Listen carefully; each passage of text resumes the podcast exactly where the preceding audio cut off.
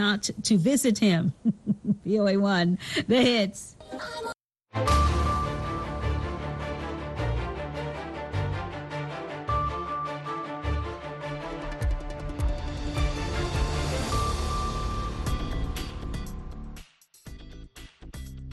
halkani waa washington laanta afka soomaaliga idaacadda v o a oo aad ka dhagaysanaysaan muwjadaha gaagaaban efmiyada geeska afrika iyo caalamkao dhan oo aad nagala socotaan v o a somaly com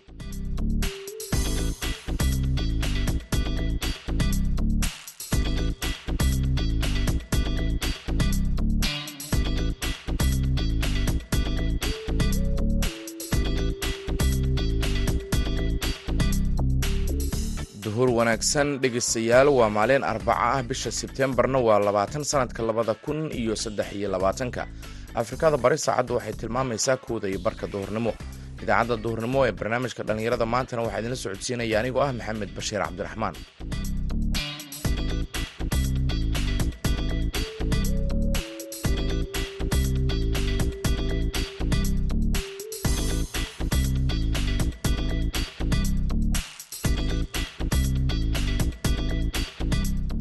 qodobada aad dhegeystayaal idaacaddeenna ku maqli doontaan waxaa ka mid ah arday qaxooti ah oo kaalmaha hore ka galay dugsiyada qaxootiga ee dhadhaab oo deeq waxbarasho ka helay jaamacado ku yaalla dalka ingiriiska.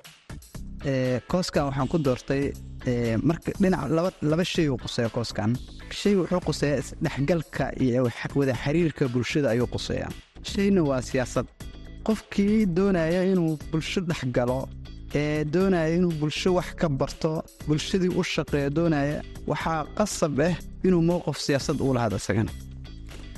Waxaad kaloo maqli doontaan dhallinyaro gurmad u fidinaya dadkii ku hanti beeray dab ka kacay deegaanka milxo ee degmada laasquray ee gobolka sanaag. Qodobadaasi kuwo kale ayaan idiin haynaa balse intaasi waxaa ka horeynaya warkii caalamka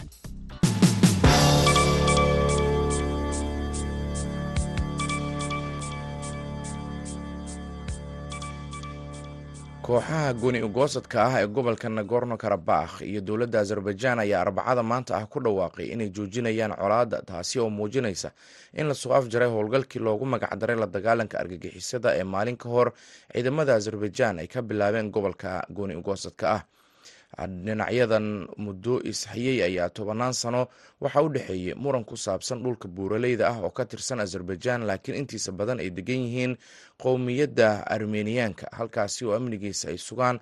Kooxaha gooni ugoosadka ah ayay sidoo kale ciidamada nabad ilaalinta uu ruushku halkaasi geeyey madaxtooyada dowladda iskeed isku magacowday ee gobolkaasi ayaa qoraal ay soo dhigtay baraha bulshada ku sheegtay in dhexdhexaadin ay sameeyeen taliska ciidamada nabad ilaalinta ee ruushka kadib gaar ahaana guutada ku sugan gobolkaasi lagu heshiiyey in la soo afjaro colaadda laga bilaabo maanta oo labaatankii bisha ah.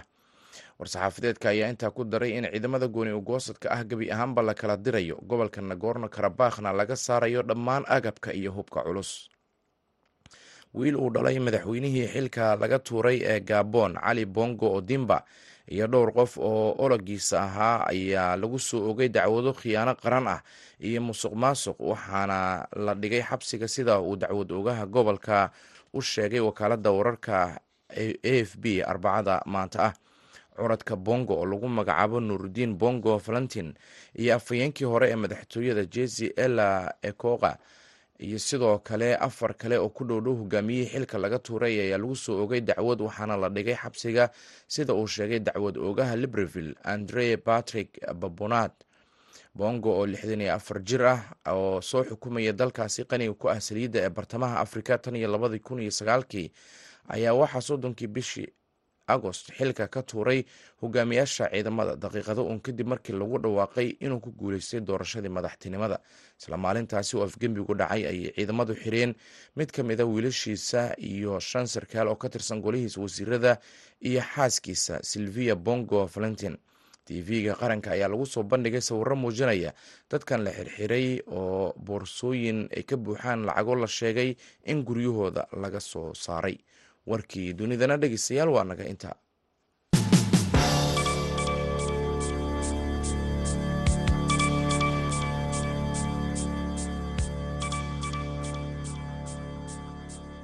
halkaad nagala socotaan dhegeystayaal waa laanta afka soomaaliga ee v o a oo si toosa idinkaga imaaneysa washington. Duhur wanaagsan mar kale dhalinyarada magaalada boosaaso ayaa ka bilaabay magaaladaasi inay gurmad u sameeyaan. Dadkii ku hanti beelay tuulada macdanta laga qodo ee milxo oo ka tirsan degmada laasqoray dhalinyaradan oo isugu jira wiilal iyo gabdho ayaa ku wareegaya suuqyada iyo xaafadaha magaalada boosaaso si ay uga qaadaan dhar iyo gogol si loo gaarsiiyo dadka ku nool magaaladaasi dabka dhowaan qabsaday tuuladaasi ayaa waxyeello wuxuu u geystay inta badan guryihii magaalada oo isugu jira ganacsi deegaan iyo hanti kala duwanba.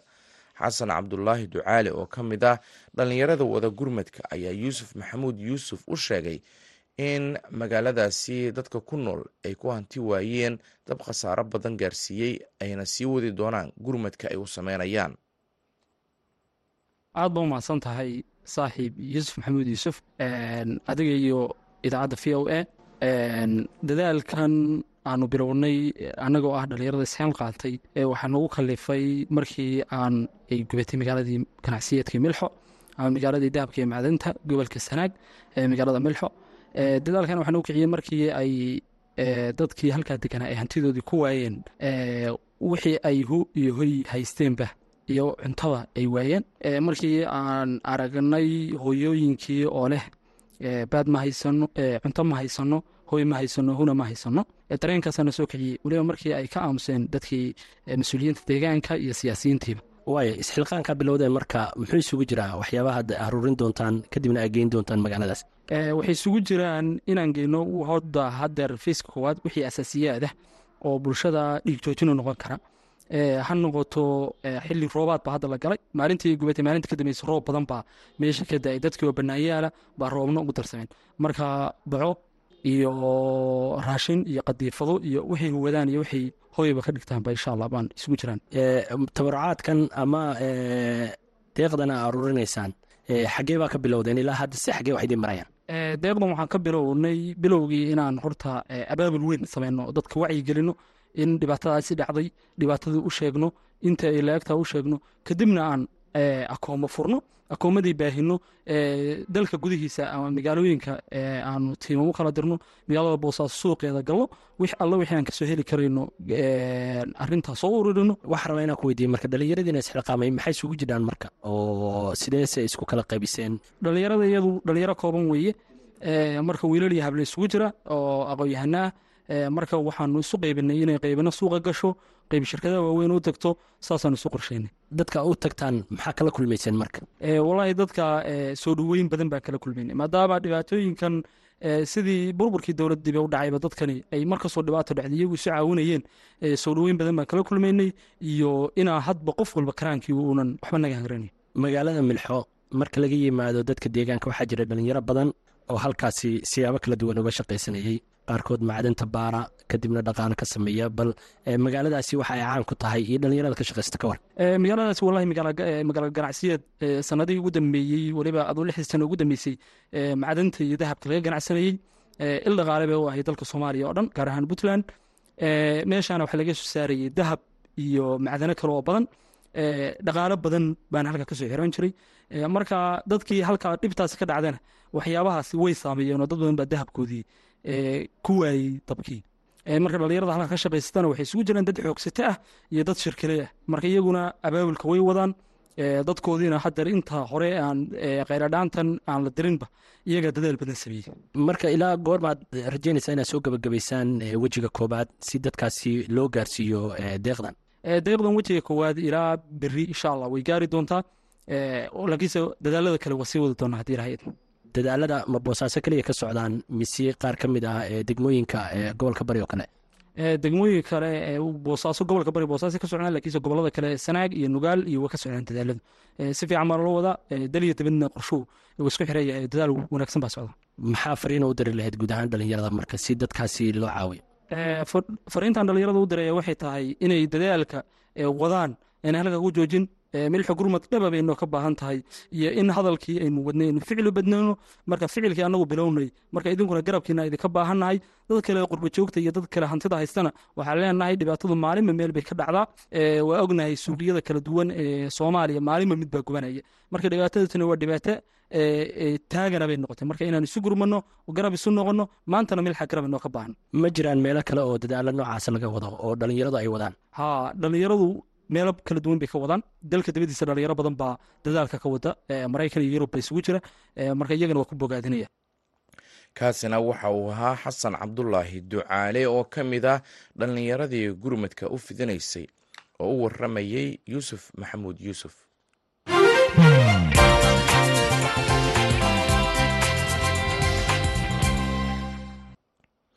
ilaa laba boqol iyo afartan iyo waa afar iyo toban ka mid ah dhallinyarada waxbarta waxna ku bartay xeryaha qaxootiga ee dhadhaab ayaa deeq waxbarasho ka helay jaamacad ku taala dalka ingiriiska iyadoo noqonaysa tiradii ugu badnayd ee ka mid ah dhallinyarada qaxootiga ee ka faa'iideysanaya barnaamijkan. Deeqdan waxbarasho ayaa la tilmaamay inay fursad u tahay dhallinyaro badan oo horey uga rajo dhigay waxbarasho dhaafsiisan dugsiga sare waa sida uu warbixintan ku eegayo wariyaha v o a axmed cabdulaahi jaamac. Waxbarashadan oo ah heerka dibloomada ayay dhallinyaradu casharada u qaadan doonaan hab onlayna iyaga oo jooga xeryaha qaxootiga waxaana ugu deeqay hay'adda helbi dhadhaab iyo jaamacadda cambridge. Waxbarashada lacag la'aanta ah ee xeryaha qaxootiga waxay ku eg tahay iskuullada waxaana dhallinyarada ku adag inay helaan waxbarasho dhaafsiisan dugsiga sare maadaama ay waalidiintood yihiin danyar qaxooti ah oo aan ka bixin karin waxbarasho jaamacadeed. Haajir sankor cabdulaahi oo ka mid a dhallinyarada sanadkan helay deeqda waxbarasho ayaa sheegay inuu fursaddan u arko mid muhiima uuna ka faa'iidaysan doono. Fursaddan inaan hesho inaan helo waxay iga dhigan tahay aad iyo aad bay muhiim iigu tahay. Waxayna iga dhigan tahay waa fursad qaali bay agtayda ka tahay. Waxaana u arkaa mid aad iyo aad iigu wanaagsan oo ka faa'iidaysan doono. Waayo sababta sidaan iskuulka u bogay maanan helin ii sheeg waxbarasho. Waa codsaday brograamyo kale ana codsaday way jireen laakiin maana helin ii sheeg waxbarasho dheeri oo ama tashry education sida loo aqaano maana helin. Haajir waxa uu sheegay inaanu awoodeen inuu iska bixiyo kuliyad waxbarasho. Haddii aanu heli lahayn fursaddan hadda la siiyey markii loo fiiriyo xeryaha qaxootiga haddii aan dhahaa xataa ka qaad tusaale waan shaqeeya aan dhaha waan shaqaynayaa ajeensiyada ama hay'adaha ka jira organisationada ka jira ee wadanka ka jira oo ka falgala xeryaha qaxootiga aan u shaqayna aan dhaha xitaa mishaar kastoon qaato iguma filna. Marka si kastoy noqotoba qaab kasto haddaan u fiiriyo aan u dhigo ma iska bixin karaynin. Marka taas id marka waa ugu mahad celinayaa barnaamijkan iyo fursaddan lii inaan wax ku barto lii dhallinyarada waxaa fursad loo siiyey inay kala doortaan kuliyado kala duwan kumana qasbana inay qaataan maadooyin isku mid a haajir waxa uu dhiganayaa kuliyadda xiriirka bulshada iyo siyaasadda waxaan weydiiyey waxa uu kuliyaddaa ku xushay. Kooskan waxaan ku doortay marka dhinac laba laba shay uu quseeya kooskan. Shay wuxuu quseeyaa isdhexgalka iyo wada xiriirka bulshada ayuu quseeyaa shayna waa siyaasad. Qofkii doonaya inuu bulsho dhex galo ee doonaya inuu bulsho wax ka barto bulshadii u shaqeeyo doonaya waxaa qasab ah inuu mowqif siyaasad uu lahaad isagana waxaa sidoo kale kooska aan u doortay aniga inta ma lihi waddankan ma u dhalanani waxaan u dhashay waddanka soomaaliya aan u dhashay. Meeshaan waxaan u joogaa qaxootinimo aan u joogaa. Berri ka maalinna dalkaygii ayaan u noqon karaa inuu nabad noqdo. Waxaan rajaynayaa inaan ka mid noqdo mas'uuliyiinta ka talinaysa waddankayga inaan berri ka mid noqdo baahida dhallinyarada xeryaha qaxootiga u qabaan waxbarasho jaamacadeed waa mid aada u sarraysa iyadoo iskuullada xeryaha qaxootiga ku yaalla ay sanad walba ka soo qalin jebiyaan kumanaan arday. Intooda jaamacadda aadaana ay aada u yar tahay. Nolosha xeryaha qaxootiga oo aada u adag dhaqaalayaro darteed ayaa dhallinyarada xeryaha ugu wacan. In badankooda ay waxbarashadoodu ku joogsato dugsiga sare. Xamdi cali salaad oo ka mid a dhallinyarada fursadda waxbarasho heshay sanadkan ayaa sheegtay inay aada ugu faraxsan tahay deeqdan la siiyey. Waxay xustay in awoodda dhaqaale ee iyada iyo waalidiinteed aanay u saamaxdeen inay iska bixiso waxbarasho jaamacadeed. Anaga qaxootiyaan nahay. Haddii aan iskuul bogna xitaa manihin dad maanta lacag ku shaqaysanaya lacagtan ku shaqaysanaya haddii aan dhuro xataa three years ma awoodo inaan iska bixiyo iskaba dhaafi inaan hadda iska bixiyo haddii aan shaqeeyo saddex sanoo hadda imaanaysa xitaa ma awoodi lahayn inaan iska bixiyo gabdho badan oo ku nool xeryaha qaxootiga ayaa sababo kala duwan waxbarashada uga taga dhexda. Xamdi waxay sheegtay inay iyadu ka digtoon tahay wax walba oo hor istaagi kara hayaankeeda waxbarasho. Hadafkeeda ugu dambeeyaana uu yahay inay aqoonteeda wax ugu qabato dalkeeda hooyo. Ani ahanteyda insha allah waa rajaynaya ilaa heer sare inaan ka gaaro aan ku sii daro aan wada aana in marnaba joojinin barnaamijkan dhallinyarada xeryaha qaxootiga looga caawinayo waxbarashada sare waxaa sannadkii labadii kun iyo shan iyo tobankii xeryaha ka bilowday hay'adda helib dhadhaab oo u asaasay cabdi aadan khaliif oo ah nin dhallinyaro ah oo hore qaxooti ugu ahaa xeryaha. Laakiin sannadkii labadii kun iyo koob iyo tobankii dibudejin ka helay dalka ingiriiska cabdi aadan aasaasaha helib dhadhaab. Waxa uu sheegay in iyaga oo kaashanaya jaamacadda cambridge ay fursaddan waxbarasho ku bilaabeen shan iyo soddon arday oo keliya. Laakiin siddeed sano kadib ay fursad heleen in ka badan laba boqol oo arday cabdi oo ku koray waxna ku bartay xeryaha qaxootigu waxa uu sheegay inuu ka warqabay baahida dhallinyarada dhadhaab ee dhinaca waxbarashada taasi oo sida uu sheegay ku riixday inuu fursad u raadiyo dhallinyaradii uu kaga tegey xeryaha qaxootiga. Baahida taalla markuu wiilka dhallinyarada ah siddeed sana ama gabadha siddeed sana ay brimary soo akhristo ama uu soo akhristo afar sanana secondary uu akhristo oo wixii uu akhrisanaya labaiyo toban sana haddana uu soo istaaga asagoo heer jaamacad helin ama heer kuliyad helin dhibkeeday leedahay. Markaas si baahidii loo daboolo ayaa igu dhalisay inaan dhallinyaradan wax loo qabto. Cabdi aadan waxa uu dib u xasuusanayaa dhibkii uu isaga laftiisu ka maray intii uu xeryaha joogay inuu helo qof ka caawiya waxbarasho sare taasi oo uu xusay inay ka mid tahay waxyaabaha aanu marna hilmaami karin ee ka soo maray xeryaha qaxootiga. Markaan tusaale kaa soo qaado anigoo kale markii labada kun iyo lixdii ilaa labada kun iyo sideeddii waxaan raadinaya qof iga bixiyo. Den hal nin baan helay. Markii ani liiga bixiyey qofkii asaga ahaa iga bixiyey. Waxaan dareemay dee dhibkii ani aan soo maray inaan helo inaan college aado ama kuliyad waxbarasho aado oon dibloma sameeyo marka taas ayaa igu dhalisay horta inaan dib oogu soo noqdo dadkii oon waxna u raadiyo. Axmed cabdulaahi jaamac v o a xeryaha dhadhaab mahadsanid axmed markana boorama hay'adda camuud foundation ayaa magaalada dilaa ee gobolka awdal ka hirgelisay cisbitaal cusub oo ay baahi u qabeen dadka deegaanka. Haashim sheekh cumar good ayaa warbixintan noo soo diray. Kulankan oo ahaa mid lagu daafurayey cusbitaal cusub oo ay hay'adda camuud foundation ka dhistay degmada dila ee gobolka awdal ayaa mas'uuliyiinta hay'addaasi iyo madax iskugu jirtay maamulka degmada ka gobolka awdal iyo wasiiro ka socday xukuumadda somalilan ay xadhigga kaga jireen xarunta magaalada dila iskuduwaha wasaaradda caafimaadka iyo horumarinta ee gobolka awdal mustafa xoogsade ayaa isagu sheegay in baahi badan oo ay dadka deegaanka degmada dila u qabeen cusbitaalka ay sababtay in laga dhiso cusbitaalkan. Ujeedooyinka loo aasaasay waxay ahayd markii la arkay in baahi badan dadkan ay u qabaan taasoo imseejin ay ku yaalaan koonfurta iyo bariga booramaba waxaa la gartay in cusbitaal ay ku habboon tahay in degmada dila ay hesho gudoomiyaha hay'adda camuud foundation maxamuud faarax cigaal ayaa isagu ku dheeraaday qeybaha uu ka kooban yahay cusbitaalka ay ka dhiseen magaalada dila iyo qalabka ay hay'adoodu dhakhtarka keentay oo dabooli doona. Baahiyaha asaasiga ay qabaan bulshadu. Cusbitaalkani waa soddon sariirood. Waa soddon sariirood wey meelay adhonting de iskuduwuu sheegiye meelay soddon sariirood oo cusbitaal ay boorama dibaddeeda ka dhisan tahay. Ma jirta? Wuxuu kaluu leeyahay sheebaarkii buu leeyahay farmasigii buu leeyahay meeshii dumarku lagu dhalay ultrasound labaatan kun oo daalana yaalla in reer dilaas ku noqdaan qurbajoog iyo qolgoljoog markaan anaku cusbitaalka dhisanay waxaan nidhi cusbitaalka waan dhisanaa waan qalabaynaynaa intiiba waan dhammaynaa. Anagu daynka iyo soolarka waxay ahayd inay dadka degaanku ama qolqoljoog aadaan ama qurbajoog aadaan inay sameeyaan. Alxamdulilah qurbajooga maraykankii soolarka iyagaa bixiyey. Axmed daawud baa kun daalar ku daray marka intiina qurbajooga maanta fadhida waxaa laynaga fadhiyaa inay daynkii dhammaystirtaan. Taasi waa kow waxaa meesha ka dhimani waa dayrkii aqoon-yahan maxamuud aw xasan wacays ayaa isagu u mahad celiyey hay'adda camuud foundation ee ka hirgelisay cusbitaalka degmada dila wuxuuna ugu baaqay qurbajoogga iyo qolqoljoogga ka soo jeeda degmada iyo gobolka awdal in kaalinta kaga aadan cusbitaalkan iyo kaalmada looga baahan yahay ay wax ku darsadaan.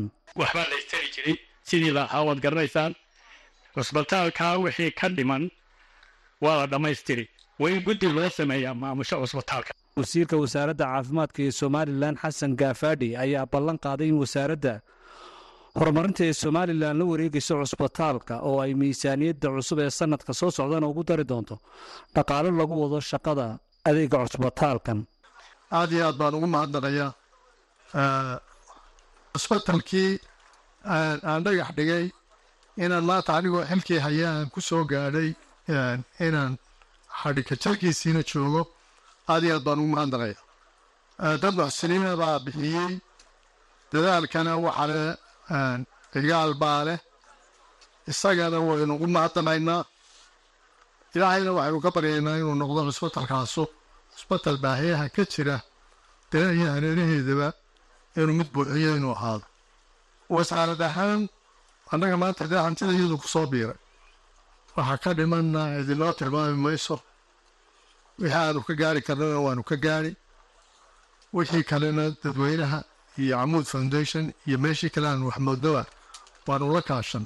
Koyana hadaa la yidhaahdo miisaaninta sanadka kan ayaanu ugu daraynaa cusbatalka si kastaba ahaatee cusbitaalkan cusub ee ay dhistay hay'adda camuud foundation ayaa noqon doona kii ugu horreeyey ee deegaankaasi degmada dila laga dhiso. Wuxuuna u adeegi doonaa xarumo caafimaad oo gaadhaya labaatan xarumood oo hooyada iyo dhallaanka oo ka dhisan degmada dila iyo deriskeyga sida ay sheegeen maamulka gobolka awdal iyo ka degmadaasi. Haashim sheekh cumar good v o a boorama. Markanna dhegeystayaal waxaad ku soo dhowaataan xubintii cayaaraha waxaana soo jeedinaya maxamuud mascade.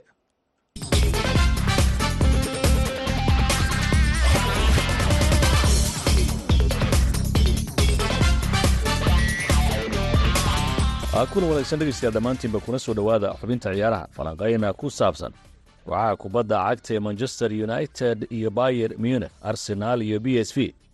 Oo maanta ciyaaraya ayaynu barnaamijkeenna ku eegi doonaa laakiin marka hore aan ku bilaabo horyaalka kooxaha qaarada yurub ee champions league ee xilli ciyaareedka labada kun saddex iyo labaatanka labada kun afar iyo labaatanka ayaa xalayto si rasmi a u furmay. Ciyaaro xiise badan ayaana kooxihii kulmay ay soo mandhigeen. Gurubka geerida haddii aan ku bilaabo kooxaha kubadda cagta ac milan iyo newcastle united oo gurigooda waa guriga ac milan ku kulmay ayaa eber iyo eber barbaraha ku kala tegay kooxda ac milan fursado badan oo goolo lagu dhalin karay ayay iska lumisay. Newcastle united sansira waxay ka soo noqotay iyadoo dhibic ku xaragoonaysa b s g waxay gurigeeda laba gool iyo waxba ku dharbaaxday kooxda kubadda cagta ee brush iyo dortman inkastoo dortman ay u ekayd koox goolo dhalin kartay haddana fursadihii ay keentay kama aanay faa'iidaysanin. Sidaasi saddex dhibcood gurubkaasi b s g ayaa ku qaadatay. Fayanol laba gool iyo waxba celtic ayay kaga adkaatay atletico madrid. Daqiiqadihii ugu dambeeyey ciyaarta waxaa bareejaysay kooxda kubadda cagta ee lazio. Oo weliba goolhayaha lazio ayaa goolka barbarada ka dheliyey kooxda kubadda cagta ee atletico madrid. Kooxaha kubadda cagta young boys iyo r b lebzig saddex gool iyo hal waxaa ku badisay r b lebzig sida gruubkaasi kooxda kubadda cagta ee manchester city. Ayaa saddex gool iyo hal waxa ay ku dharbaxday kooxda kubadda cagta ee rer star belgrade ee ka soo jeeda waddanka serbiya tababare beb guardiola ayaa noqday macallinka saddexaad ee ugu guulaha badan horyaalka qaaradda yurub ee champions league. Waxa uu haatan la soo sinmay tababarihii hore kooxda kubadda cagta ee manchester united. Barcelona shan gool iyo waxa waxay ku dhufatay kooxda kubadda cagta ee real entowar halka shata donetskina gurigeeda lagu garaacay oo borto ay saddex gool iyo hal kaga adkaatay. Caawa kulamo xiise badan ayaa ka dhacaya qaradda yurub waxaase laba kulan oo xiisahooda leh ay ka kala dhacayaan london iyo magaalada munikh waddanka jarmalka kooxda kubadda cagta arsenaal markii ugu horreysay tan iyo sannadkii labada kun toddobiyo tobankii ayay horyaalka qaaradda yurub ee champions leaga ciyaaraysa halka manchester unitedna iyadoo maalmahan guuldarrooyin la daaladhacaysa ay booqanayso kooxda kubadda cagta ee munich. Cabdifitaax shabalaala ayaa ciyaarahaasi ila falanqaynaya kooxda kubadda cagta arsenal haddii aynu ku horumarno ee shabalaalow muddo dheer ayay kooxdu ka maqnayd ciyaaraha champions leaga caawa gurigeeda ayay ku ciyaaraysaa. Maxaa laga filayaa kooxda arsenal iyo xidigood runtii markaa fiiriso mascado kooxda arsenal oo muddo ka maqnay champions leaga haddana waxaa lala yaaban yahay in ay ku jirto kooxaha u tartamaya koobka loo socdaalinayo shanta koox ee ugu koreyso. Waxaa lala yaabay waxyaabaha isbeddelka weyn ee arsenal faa'iiday waxay tahay horyaalkii hadda imaanaya koobka waa laga qaaday laakiin waxay waxay faa'iideen in ay noqdaan kooxaha ugu awoodda badan yurub loo socdaalinayo sanadkan koobkiina ayagoo ku soo laabtay ayna ka ahayn underdog. Oo favoriteska ay ku jiraan laakiin markaad fiiriso kooxda kubadda cagta arsenal qaabkii horyaalka ku bilowday guulaha ay gaaraysa xataa kuwo awood muujinaya. Ma ahayn macalinka waxaad moodaa inuu qas fara badan ee kooxda dhexdeeda uu ka muujinayo sida goolhayaasha oo kale haddaynu tusaale u soo qaadanno kulanka caawa ma ramis deel baa bilaabaya ma raaya bilaabaya nin buuqa noocaasi kooxdiisa ku jirto sidee loogu saadaalin karaa runtii waxaa loogu saadaalin karaa arteta macalinimada qaybta ugu fiicana ilaa hadda laga arkay markaa koobabkan champions league dheegaysay premier league iyo labadii koob ee kala yaryaraa iyo waxaa u baahan tahay large squad ay dhahaan kubadsi waxa la yidhaahdo ayaa u baahan tahay. Marka macalinka wuxuu kutusayaa inuu goolkiibaradiis tartansiiyo goolkiibarada champions league leeyahay ciyaartii firton oo dhigay goolkiibarkiisa koowaad oo ciyaar adag buu leeyahay champions league islahoma marka waxaa loo qaatay in arteta uu raadinayo large squad sababihii yani iloomin sababihii horyaalka uu ku waaya waxay ahayd kow iyo tobanka uu ku socday hadday soo banjiraan maxaa ku ah marka aniga ahaan intaa kubadda ka aqaano waxay tahay positive inay tahay arteta wuxuu sameynayo wax fiican inay tahay rotationkan badanna uu keeni karo inuu premier leaguena ku tartamo champions league. ku tartamo waayahay la arki doonay caawa sida ay kooxdiisu u soo bandhigto ciyaarteeda kulanka kale sida weyn isha loogu hayn doono waxa uu dhex maraya kooxaha kubadda cagta ee bayer munich iyo manchester united manchester united kulamadii ugu dambeeyey guuldarrooyin bay la daalaadhacaysa inkastoo bayer munich lafteedu aanay awood badan muujinaynin. Labadan kooxood oo bayer munich gurigeeda caawa ku ciyaaraya maxaa laga filayaa runtii ciyaar adag bay manchester united wajihi doontaa kadib markii buuq badan oo dhinaca dariisa ruulka ka jiro sida sanjo iyo macalink oo kale guuldarro weyn ay kala soo kulmeen brighton. Horyaalka waxaa la leeyahay shanta geem ee dheeleenba ma fiicna. Labada geem ay badiyeen xataa muran baa la geliyay xagga garsooraha ah. Saddex geemna waa laga arkaaday waxaa arkayay morrison oo farankayo weyn ah oo wuxuu go'aan ku gaarayaa ayadoo shan kulan keliya horyaalka socdo in uu ka saaray tartankii horyaalka ay u tartamaysa premier league oo ugu tartanto force oo dhexgeliyey manchester united. Marka waxaa ku tusaysaa dad badan ee manchester united la kulmi doontaa falaqayaasha qaar leeyihiin xataa yaysan isku dayin inay bayern munich ku cararaan waayo dhulkoodii laaslaan maxaa yeelay bayern munich mascadow kooxaha waxaa waaye ugu awooda badan qaybta weerarka qaybta jarmalka waxay tahay mar walba kubadda afka hore in la geeyo waa tahay cabdifitaax shabalaala aad baad u mahadsan tahay dhegaystayaal kulamadaasi xiisaha badan ee caawa dhacaya. Natiijooyinka ka soo baxana berito xilligan oo kale ayaad barnaamijkeenna ku maqli doontaan. Intaynu mar kale dib u kulmi doonno waa mascadooda ku dhaafaya sidaa iyo nabadgelyo markana dhegaystayaal heestan ayaan idiin soo qabanaynaa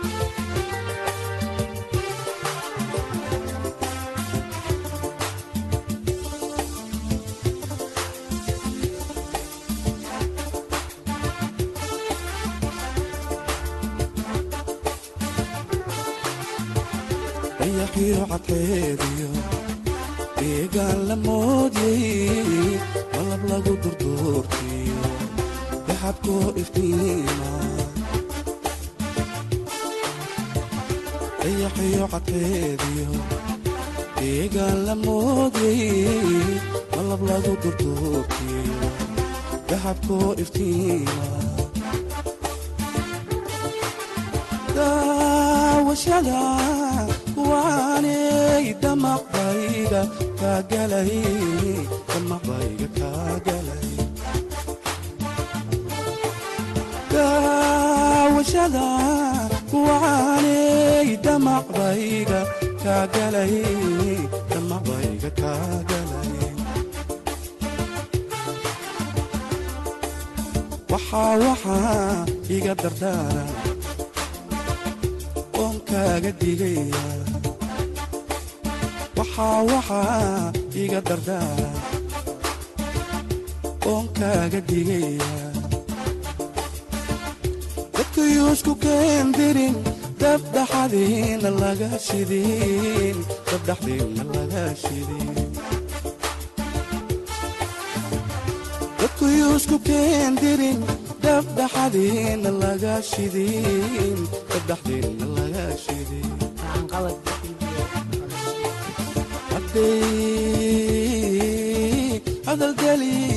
hadalgeliishaan dibnahaaga celin hadday kula dagaalaan codkaasi maxamed xasan xuseen lafoole wuxuu gebagabo u yahay idaacaddii duhurnimo. Tan iyo kulanti dambe dhegaystayaal waxaan idinkaga tegaynaa sidaas iyo nabadgelyo